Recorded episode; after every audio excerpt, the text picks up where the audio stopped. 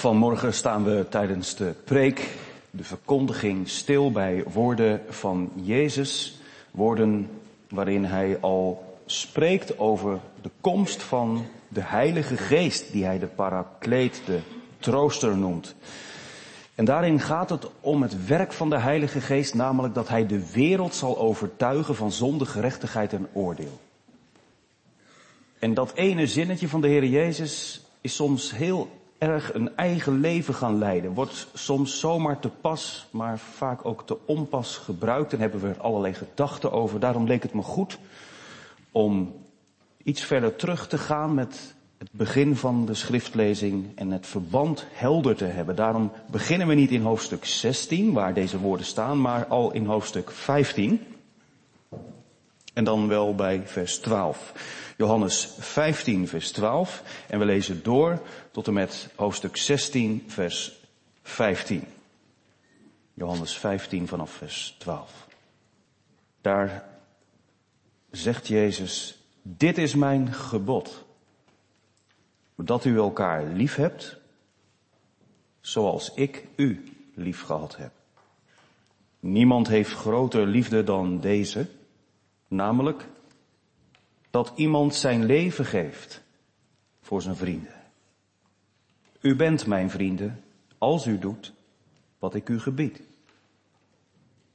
Ik noem u niet meer slaven, want de slaaf weet niet wat zijn heer doet, maar ik heb u vrienden genoemd. Omdat ik u alles wat ik van mijn vader gehoord heb, bekend gemaakt heb. Niet u hebt mij uitverkoren, maar ik heb u uitverkoren. En ik heb u ertoe bestemd. Dat u zou heen gaan. En vrucht dragen. En dat uw vrucht zou blijven. Opdat wat u ook maar van de Vader vraagt in mijn naam, hij u dat geeft. Dit gebied ik u. Dat u elkaar lief hebt. Als de wereld u haat, Weet dat zij mij eerder dan u gehaat heeft. Als u van de wereld zou zijn, zou de wereld dat wat van haar is liefhebben. Maar omdat u niet van de wereld bent, maar ik u uit die wereld heb uitverkoren, daarom haat de wereld u. Herinner u het woord dat ik u gezegd heb, een slaaf is niet meer dan zijn heer. Als ze mij vervolgd hebben, zullen zij ook u vervolgen. Als zij mijn woord in acht genomen hebben, zullen zij ook het uwe in acht nemen. Maar al deze dingen zullen zij u aandoen omwille van mijn naam, omdat zij hem niet kennen die mij gezonden heeft. Als ik niet gekomen was en tot hen gesproken had, hadden ze geen zonde. Maar nu hebben ze geen voorwendsel voor hun zonde. Wie mij haat, haat ook mijn vader. Als ik onder hen niet de werken gedaan had die niemand anders gedaan heeft, hadden zij geen zonde. Maar nu hebben zij ze gezien. En mij en mijn vader gehaat. Maar het woord moet vervuld worden dat in hun wet geschreven is. Zij hebben mij zonder reden gehaat. Maar wanneer de trooster is gekomen, die ik u zenden zal van de Vader, de geest van de waarheid, die van de Vader uitgaat, zal die van mij getuigen. En u zult ook getuigen, want u bent van het begin af bij mij.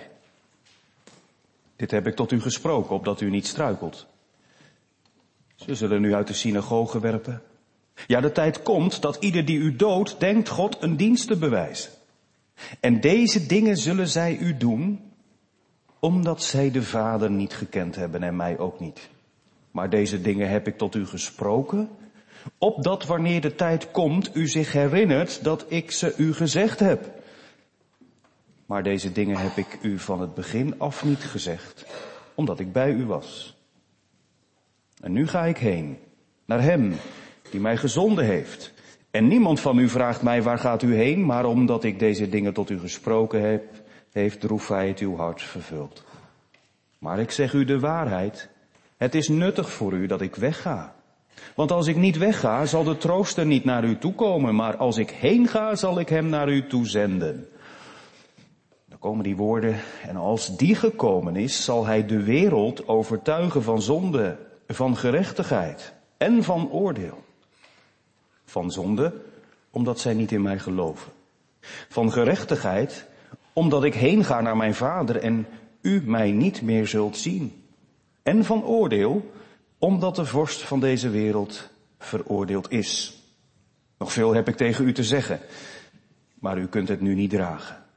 Maar wanneer die komt, de geest van de waarheid, zal hij u de weg wijzen in heel de waarheid, want hij zal niet vanuit zichzelf spreken, maar wat hij gehoord zal hebben, zal hij spreken.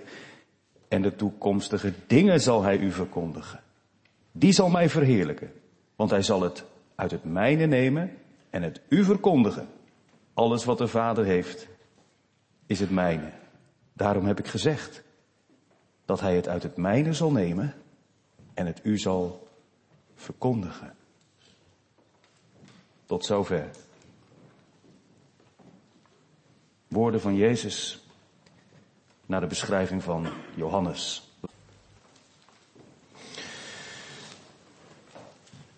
Vanmorgen staan we voornamelijk stil bij de woorden die we vinden in vers 7 tot en met 11 van Johannes 16. Laten we die samen nog een keer met aandacht lezen. Johannes 16, vers 7 tot en met 11. Maar ik zeg u de waarheid. Het is nuttig voor u dat ik wegga. Want als ik niet wegga, zal de trooster niet naar u toekomen. Maar als ik heen ga, zal ik hem naar u toezenden. En als die gekomen is, zal hij de wereld overtuigen van zonde en van gerechtigheid en van oordeel. Van zonde, omdat zij niet in mij geloven. Van gerechtigheid, omdat ik heen ga naar mijn vader en u mij niet meer zult zien. En van oordeel, omdat de vorst van deze wereld veroordeeld is. Tot zover. De woorden van de tekst. Thema voor de verkondiging van morgen is getuigen zijn na Pinksteren. Getuigen zijn na Pinksteren. We letten op twee dingen. Allereerst, Jezus maakt plaats voor de geest, vers 7. En ten tweede, de geest maakt plaats voor Jezus, vers 8 tot en met 11. Dus getuigen zijn na Pinksteren. Jezus maakt plaats voor de geest. En ten tweede, de geest maakt plaats voor Jezus. Ja, geliefde gemeente, jongens en meisjes dat Jezus plaats maakt, betekent dus wel dat hij weggaat. Nou ja, als je je ogen gebruikt. En wat hebben de discipelen veel mogen zien? En wat hadden ze daar ook veel houvast bij? Dat Jezus naast hen stond, dat hij voorop ging. Omdat hij erbij was, hadden ze vrijmoedigheid om de weg te gaan van het koninkrijk van God. En Jezus heeft dat aangevoeld. En daarom is hij nog ver voordat hij ging en voordat de geest op de aarde kwam, begonnen door ze bij de hand te nemen en ze hierop voor te bereiden.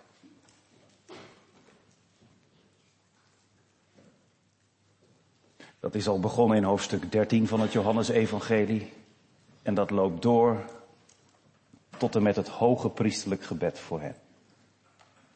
En hier in hoofdstuk 16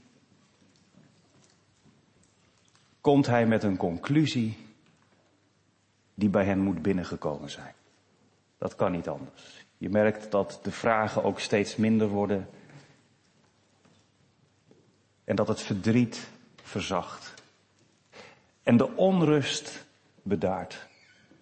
Ze begrijpen het nog echt niet helemaal.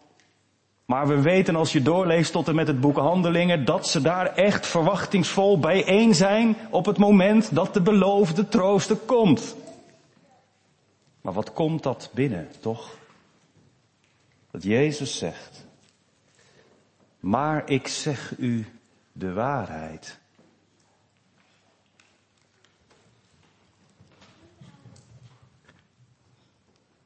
Kan toch niet waar zijn? Jawel. Het zou toch zoveel beter zijn als Jezus was gebleven? Nee. Ik kennen jullie jongelui die worsteling. En ik zeg jongelui, maar. Als ik zo eens rondkijk. En je blik terug in je leven. Dan zijn er toch momenten geweest. Dat je had gedacht. Als ik nu echt kind aan huis bij Jezus kon zijn, aan kon kloppen. Bij hem aan tafel kon gaan zitten. Ik heb het ook wel eens gedacht. Als ik stilletjes achter hem aan kon lopen, zo de Laankerk in, dan ging ik daar ergens zitten. Dan zag ik hem zo de preeksel opgaan. En dan wist ik, ja, nu komt het echt goed. Dat is een echte goede preek. Dat is iemand die echt maatwerk kan leveren, die alles weet, niemand veroordeelt, eerlijk behandelt. Die totaal geen last heeft van mensenvrees. Die totaal geen last heeft van verzoeking van de duivel, denk je dan. Als hij er vandaag gewoon zichtbaar was, was het dan allemaal niet veel beter? Oh, ik kan er heel veel argumenten voor geven om te zeggen ja. Maar Jezus zegt vanmorgen nee. En daar gaat het om. Geloven we dat? Dat is wat de discipelen toen moesten leren. En ik kom er echt nog wel op wat dat voor hen betekende. Maar ik neem u er meteen van mee te van in de preek in mee. Maar ik zeg u de waarheid. Het is nuttig voor u dat ik wegga. Waarom, Heer Jezus? Want als ik niet wegga, zal de trooster niet naar u toekomen, hè, vers 7. Dat is zoals de Vader, de Zoon en de Heilige Geest hebben bedacht en gaan uitvoeren. Ik kan er allerlei vragen bij stellen met mijn beperkte verstand, maar was het dan niet handiger geweest dat? Was het dan niet wijzer geweest zus? Was het dan niet beter geweest zo? Waarom? Waarom in die volgorde? Waarom maar 33 jaar op aarde? Waarom niet wat langer? Waarom is Jezus nog steeds niet teruggekomen? Wat zie ik dan van de Heilige Geest? Waar blijven de opwekkingen? Waar blijven de wonderen? Waar zijn de dromers? waarover geprofiteerd is door Joël. Maar dit is de basis. Geloof je dit? Dat Jezus zegt, dit is zoals we doen. En dit is zoals het gaat. En dit is goed. Wat een bemoediging. Ook voor de discipelen toen. Het is beter dat ik wegga, want nu komt de trooster. En bij trooster Jongens en meisjes, denk je misschien aan een vriendelijke man, een vriendelijke geest, die de tranen wegwrijft, die een hand op de schouder legt, die een zakdoek aanbiedt. Maar dat is niet wat het woordje betekent. Het is vertaald met trooster, maar je zou het ook kunnen vertalen met advocaat. Het is een term uit de juridische wereld, gemeente. Iemand die erbij geroepen wordt om je te ondersteunen in een conflict. En voor jou de andere partij die je belaagt aan te klagen. Die dubbelheid zit erin. Hij komt voor jou op door de andere partij aan te klagen. En dat brengt ons meteen ook bij de context waarin deze woorden worden gesproken. De Heer Jezus zegt, ik maak nu plaats. Het is beter dat ik ga we hebben gehoord wat hij in de hemel doet en waarom hij de hemel is doorgegaan met zijn offer. Maar nu gaat het vanmorgen met Pinksteren over de geest, die andere troosten. Jezus pleit voor de gelovigen in de troon bij de Vader, maar de geest pleit, is pleitbezorger, is advocaat, degene die het voor je opneemt hier op de aarde. Ontvangen wij dat vanmorgen als een geschenk?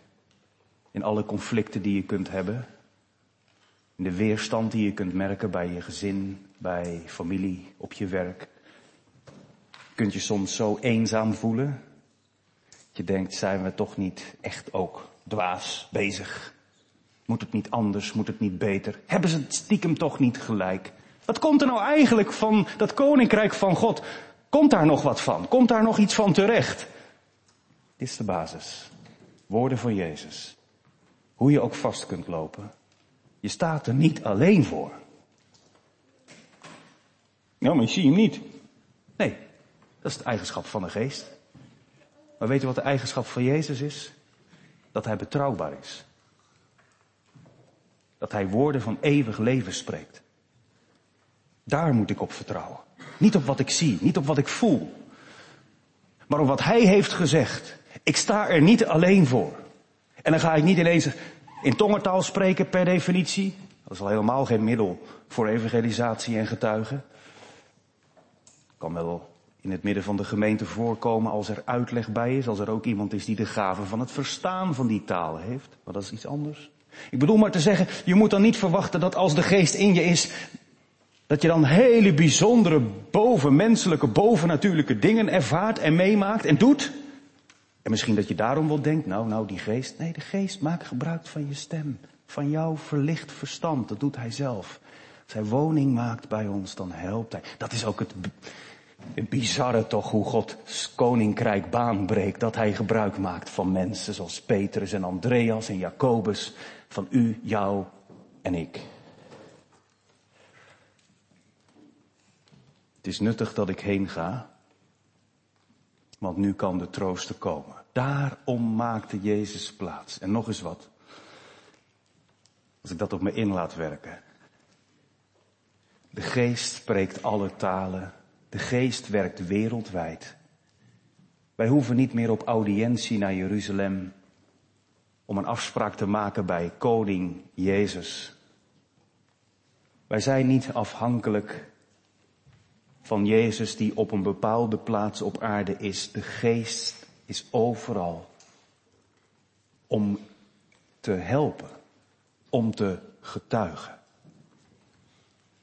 En dat is het tweede punt van de preek. Dat duurt wel iets hier langer. Wat komt die geest nu doen? Wie komt hij aanklagen? En waarom komt hij de discipelen toen, de getuigen, helpen? Nou, we lezen in vers 8. Als die trooster door Jezus gezonden is en die gekomen is, zal hij de wereld overtuigen van zonde en van gerechtigheid en van oordeel. Ik zei al, dat is een tekst uit de Bijbel die een heel eigen leven is gaan leiden. Komt soms als een losse flodder voorbij, als ik het met eerbied gesproken zo even mag zeggen in een preek. Denk erom gemeente, de geest moet ons wel overtuigen van zonde, gerechtigheid en oordeel. En dan, dan heeft dat de klank van dat de geest in je leven je overtuigt van je zonde. In de zin van dat je zondig bent en dat je je zonde moet voelen en dat je je zonde moet bewenen. Dat is ook een werk van de Heilige Geest. Maar dat is niet wat Jezus erbij bedoelt. Dit is een van de woorden die hij uitgebreid gaat uitleggen in vers 8, 9, 10 en 11. En als het gaat over gerechtigheid, dat je overtuigd wordt dat je zonden vergeven zijn door het bloed van Christus, wordt er ook niet mee bedoeld. En van oordeel, dat je veroordelingswaardig bent en dat je bang wordt voor Gods toren en Gods gramschap, wordt er ook niet mee bedoeld. Overtuigen van zonde, gerechtigheid en oordeel is volgens Jezus iets heel anders. Als de Heilige Geest komt om van zonde te overtuigen, in vers 9, wat is de reden dat hij dat moet komen doen? Omdat zij mij niet geloven. De geest maakt plaats voor Jezus. Bij wie? Wie zijn die zij? En wie is de wereld? Nou, geliefde gemeente, de wereld in het evangelie van Johannes is de van God los wereld. De wereld die los van God is komen te staan.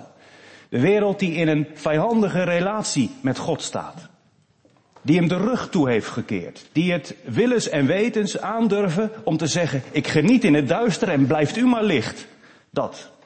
Heel scherp. Daar kom ik straks op terug. Omdat als ik naar de directe context kijk, daarom hebben we ook hoofdstuk 15 gelezen, blijkt dat die wereld allereerst de religieuze wereld is. wij hebben het wel eens over, je moet niet van de wereld worden. En de wereld is buiten. Maar de wereld, de wereldse gezindheid, kan ook in een religieus systeem zitten. Gaat hier allereerst om het werk van de geest. Dat hij de apostelen helpt om het Joodse volk te overtuigen van wat hun zonde is. Dat is negatief gesproken.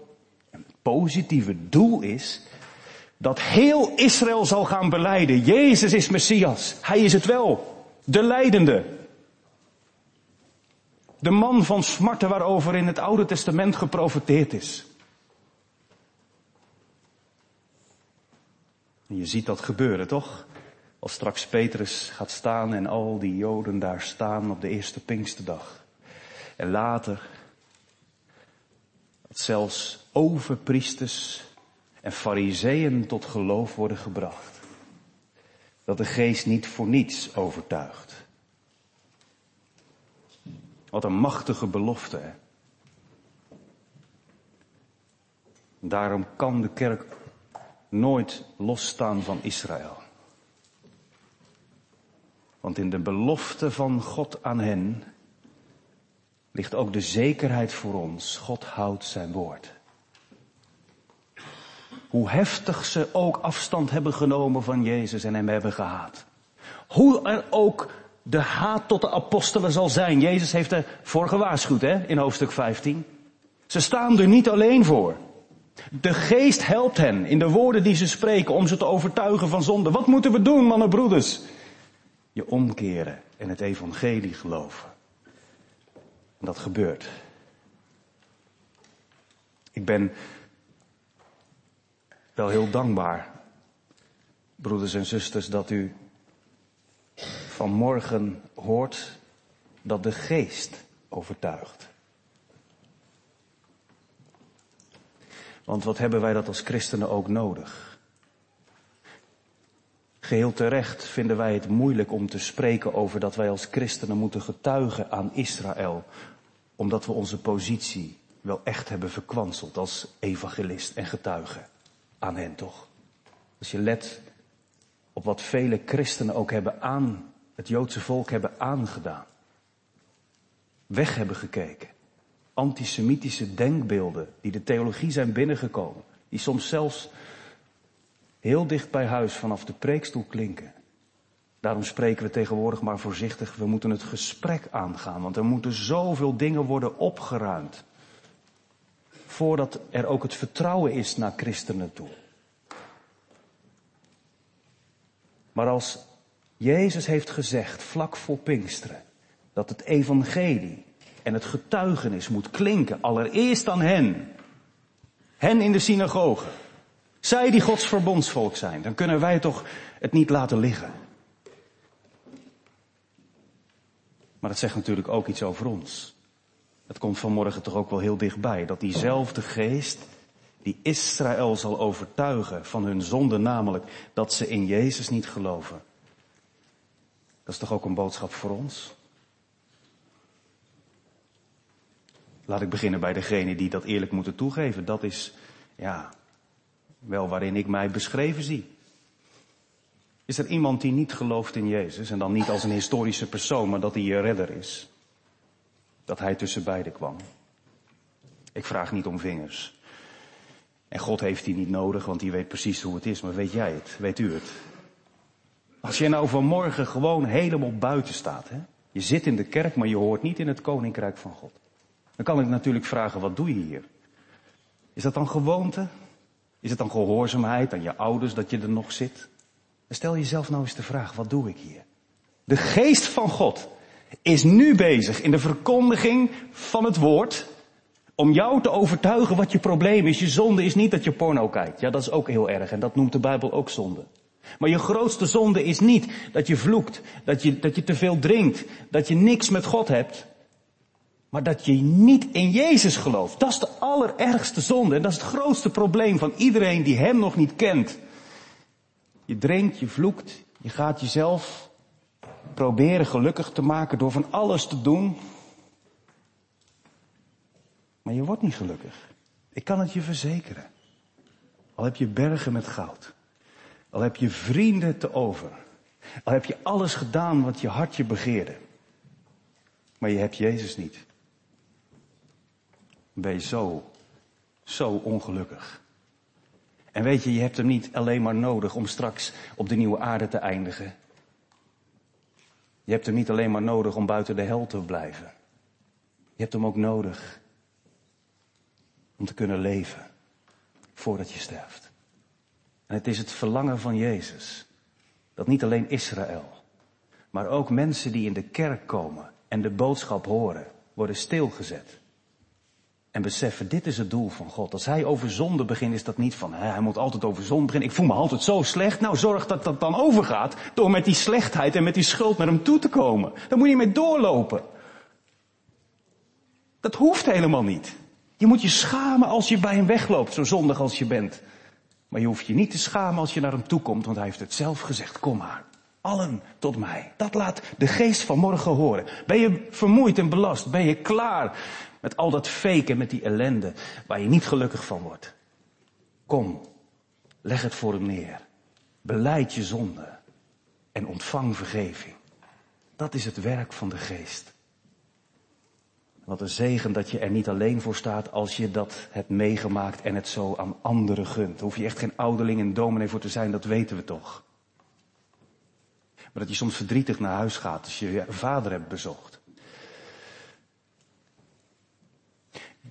Die het nog niet heeft. Dat je verdrietig naar huis gaat omdat het op een verjaardag weer ging over allerlei dogmatische systemen. Je komt er met elkaar niet uit. Dat je lijdt aan de verdeeldheid in de kerk. Wat is nou waarheid? We dienen allemaal dezelfde geest. En de geest die bedient zich van mensen, maar, maar we krijgen het nog niet voor elkaar dat hij overtuigt van zonde. Omdat ze in Jezus niet geloven. En is het niet waar? Als ik hier nou eens zo om me heen kijk. Als je in je eigen hart kijkt. Als je terugblikt in je geschiedenis, de geschiedenis van je levensboek. Wat een wonder hè de geest overtuigt. Jongens en meiden, laat je overtuigen. Laat je leiden. Ouders, opvoeders, christenen. Is dit niet wat Jezus heeft bedoeld? Als wij elkaar hartelijk lief hebben en Hem vertrouwen en de geest van Hem laten spreken en het werk laten doen, dan gaan er grote dingen gebeuren. Dan zullen ze er zijn. Tweede wat de geest komt doen, waar hij over spreekt, is van gerechtigheid. Hij zal allereerst het Joodse volk gaan overtuigen van gerechtigheid. En wat betekent dat dan?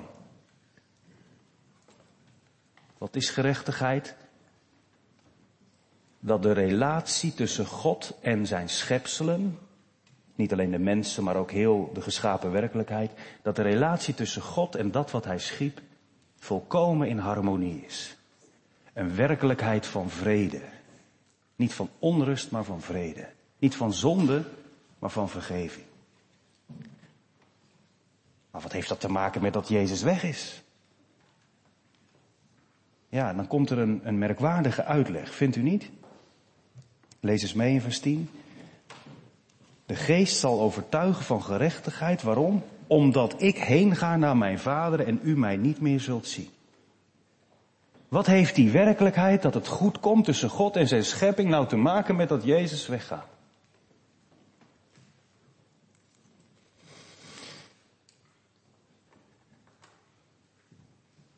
Waarom is het beter dat wij Jezus niet meer zien? Daar zit een bewijs in. De Joden dachten namelijk dat Jezus had gefaald. Ze konden niet ontkennen dat hij goede dingen had gedaan. Ze moesten ook eerlijk het hoofd buigen. Hij sprak als maghebbende en hij zette ze geregeld klem, hoe ze hem ook verzochten. Maar dat was hun overtuiging. Iemand die eindigt aan een vloekhout. Iemand die zichzelf Gods zoon maakt. Die kan niet geaccepteerd worden door de Vader in de hemel. Door die heilige God.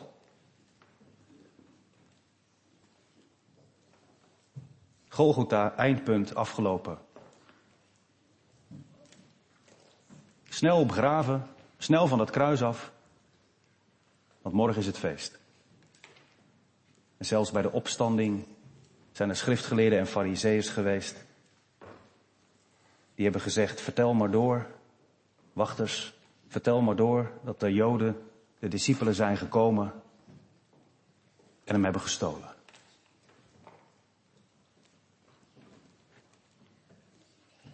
Maar dat is niet het evangelie. Al is die leugen heel lang geloofd. Dat is niet het evangelie, dat wij Jezus niet meer zien. Ja, zijn discipelen hebben hem ergens anders begraven. Johannes als ooggetuige en later Petrus die erbij is geweest, die hebben gezien dat hij ging. Levend en wel. Met de tekenen van zijn lijden en sterven in zijn handen en zijn zij. Als overwinnaar is hij gegaan. Wat is het bewijs dat het goed komt tussen God en mensen? Wat is het bewijs dat Jezus heeft overwonnen? Dat hij leeft.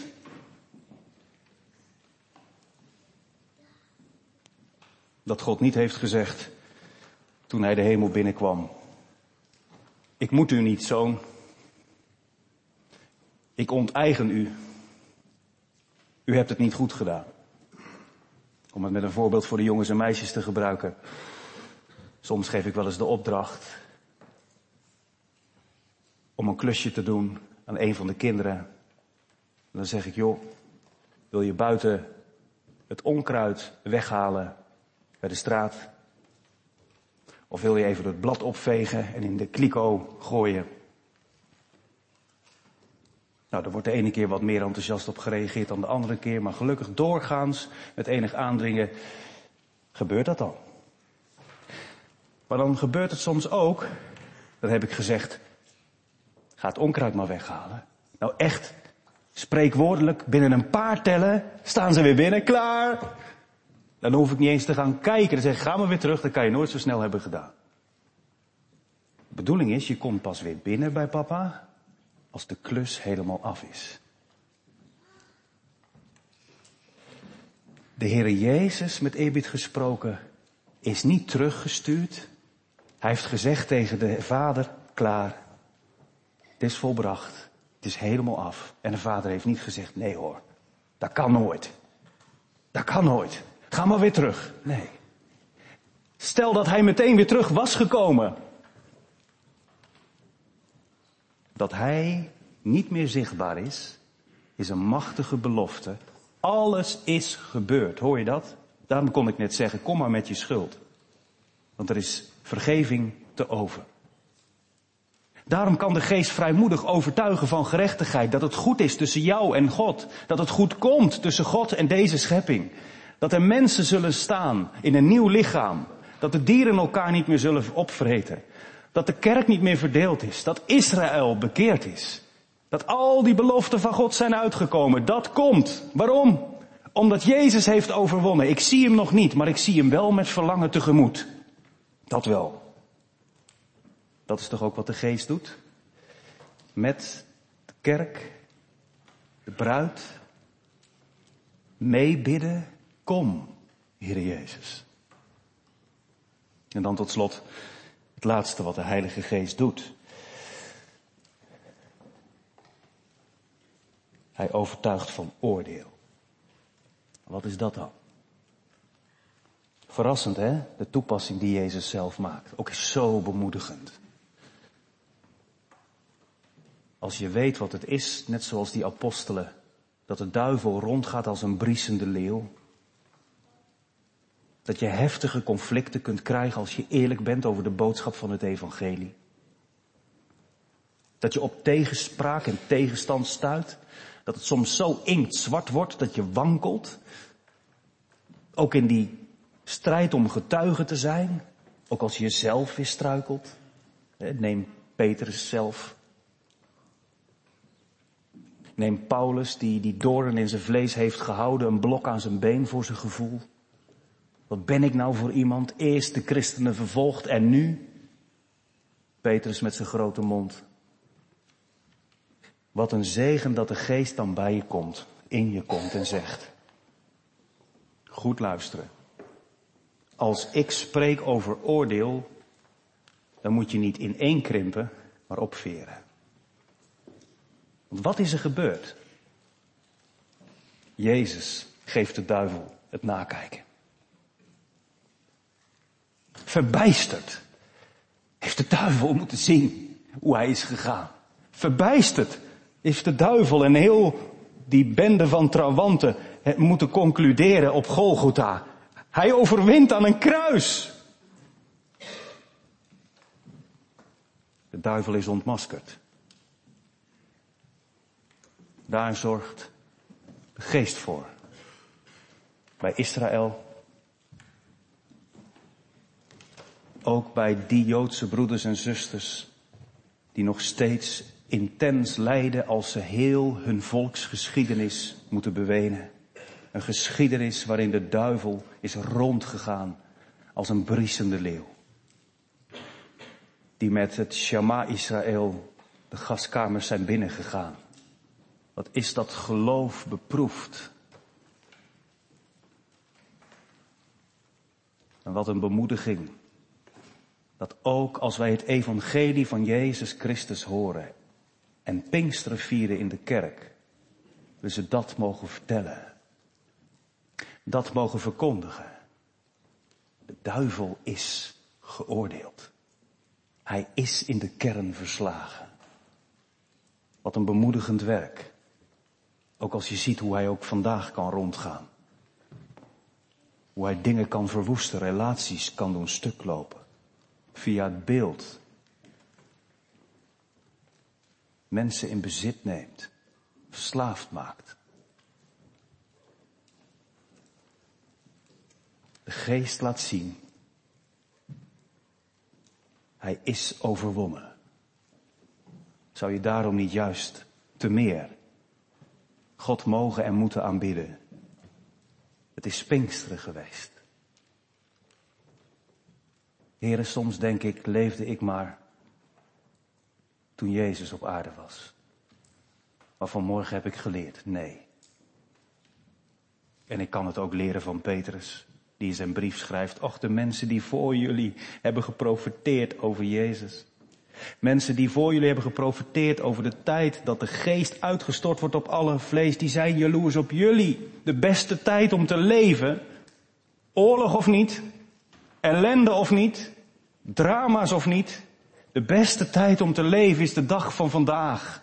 Tussen Pinkster en de wederkomst. Jezus heeft het zelf gezegd. Dat is de tijd dat ik er niet meer ben op aarde. En ik regeer vanuit de hemel. En mijn geest je helpt om te getuigen. Om door te zetten.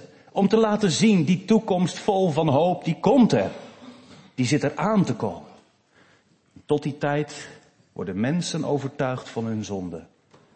Worden mensen overtuigd van die wereld van gerechtigheid die komt, omdat Jezus boven is. En wordt de duivel het nakijken gegeven. Opdat een ieder die gelooft niet verderven, maar het eeuwige leven hebben. Geliefde gemeente. Ik eindig met woorden uit het bekende hoofdstuk 3 van het Johannesevangelie. Jezus heeft daar gezegd, zo lief heeft God de wereld gehad. Zo lief. Dat hij zijn enige geboren zoon gegeven heeft, opdat een ieder die in hem gelooft niet verloren gaat, maar eeuwig leven hebben. Of het nu voor jezelf is of voor een ander. We moeten niet vergeten dat na die overbekende Bijbeltekst Johannes 3 vers 16 hij ook gezegd heeft, wie niet gelooft, is al veroordeeld, ontmaskerd. Dan heb je de duisternis liever dan het licht. Dan zie je het gewoon gebeuren. Bij mensen die je lief en dierbaar zijn. Maar ook bij mensen die je amper kent in de straat. Ze kiezen de duisternis voor het licht. Als Jezus al zo bewogen was met zulke mensen, door te zeggen, ik help jullie, christenen, om die mensen te overtuigen, zouden wij dan vanmorgen niet mogen worden opgewekt. Ga, ga heen. Doe het werk van een evangelist. En laat de geest door je heen vrucht brengen. Dat heeft Jezus beloofd. Ik die jullie heb uitverkoren. Ik die jullie ervoor heb bestemd. Ik zal ervoor zorgen dat je heen gaat en vrucht draagt.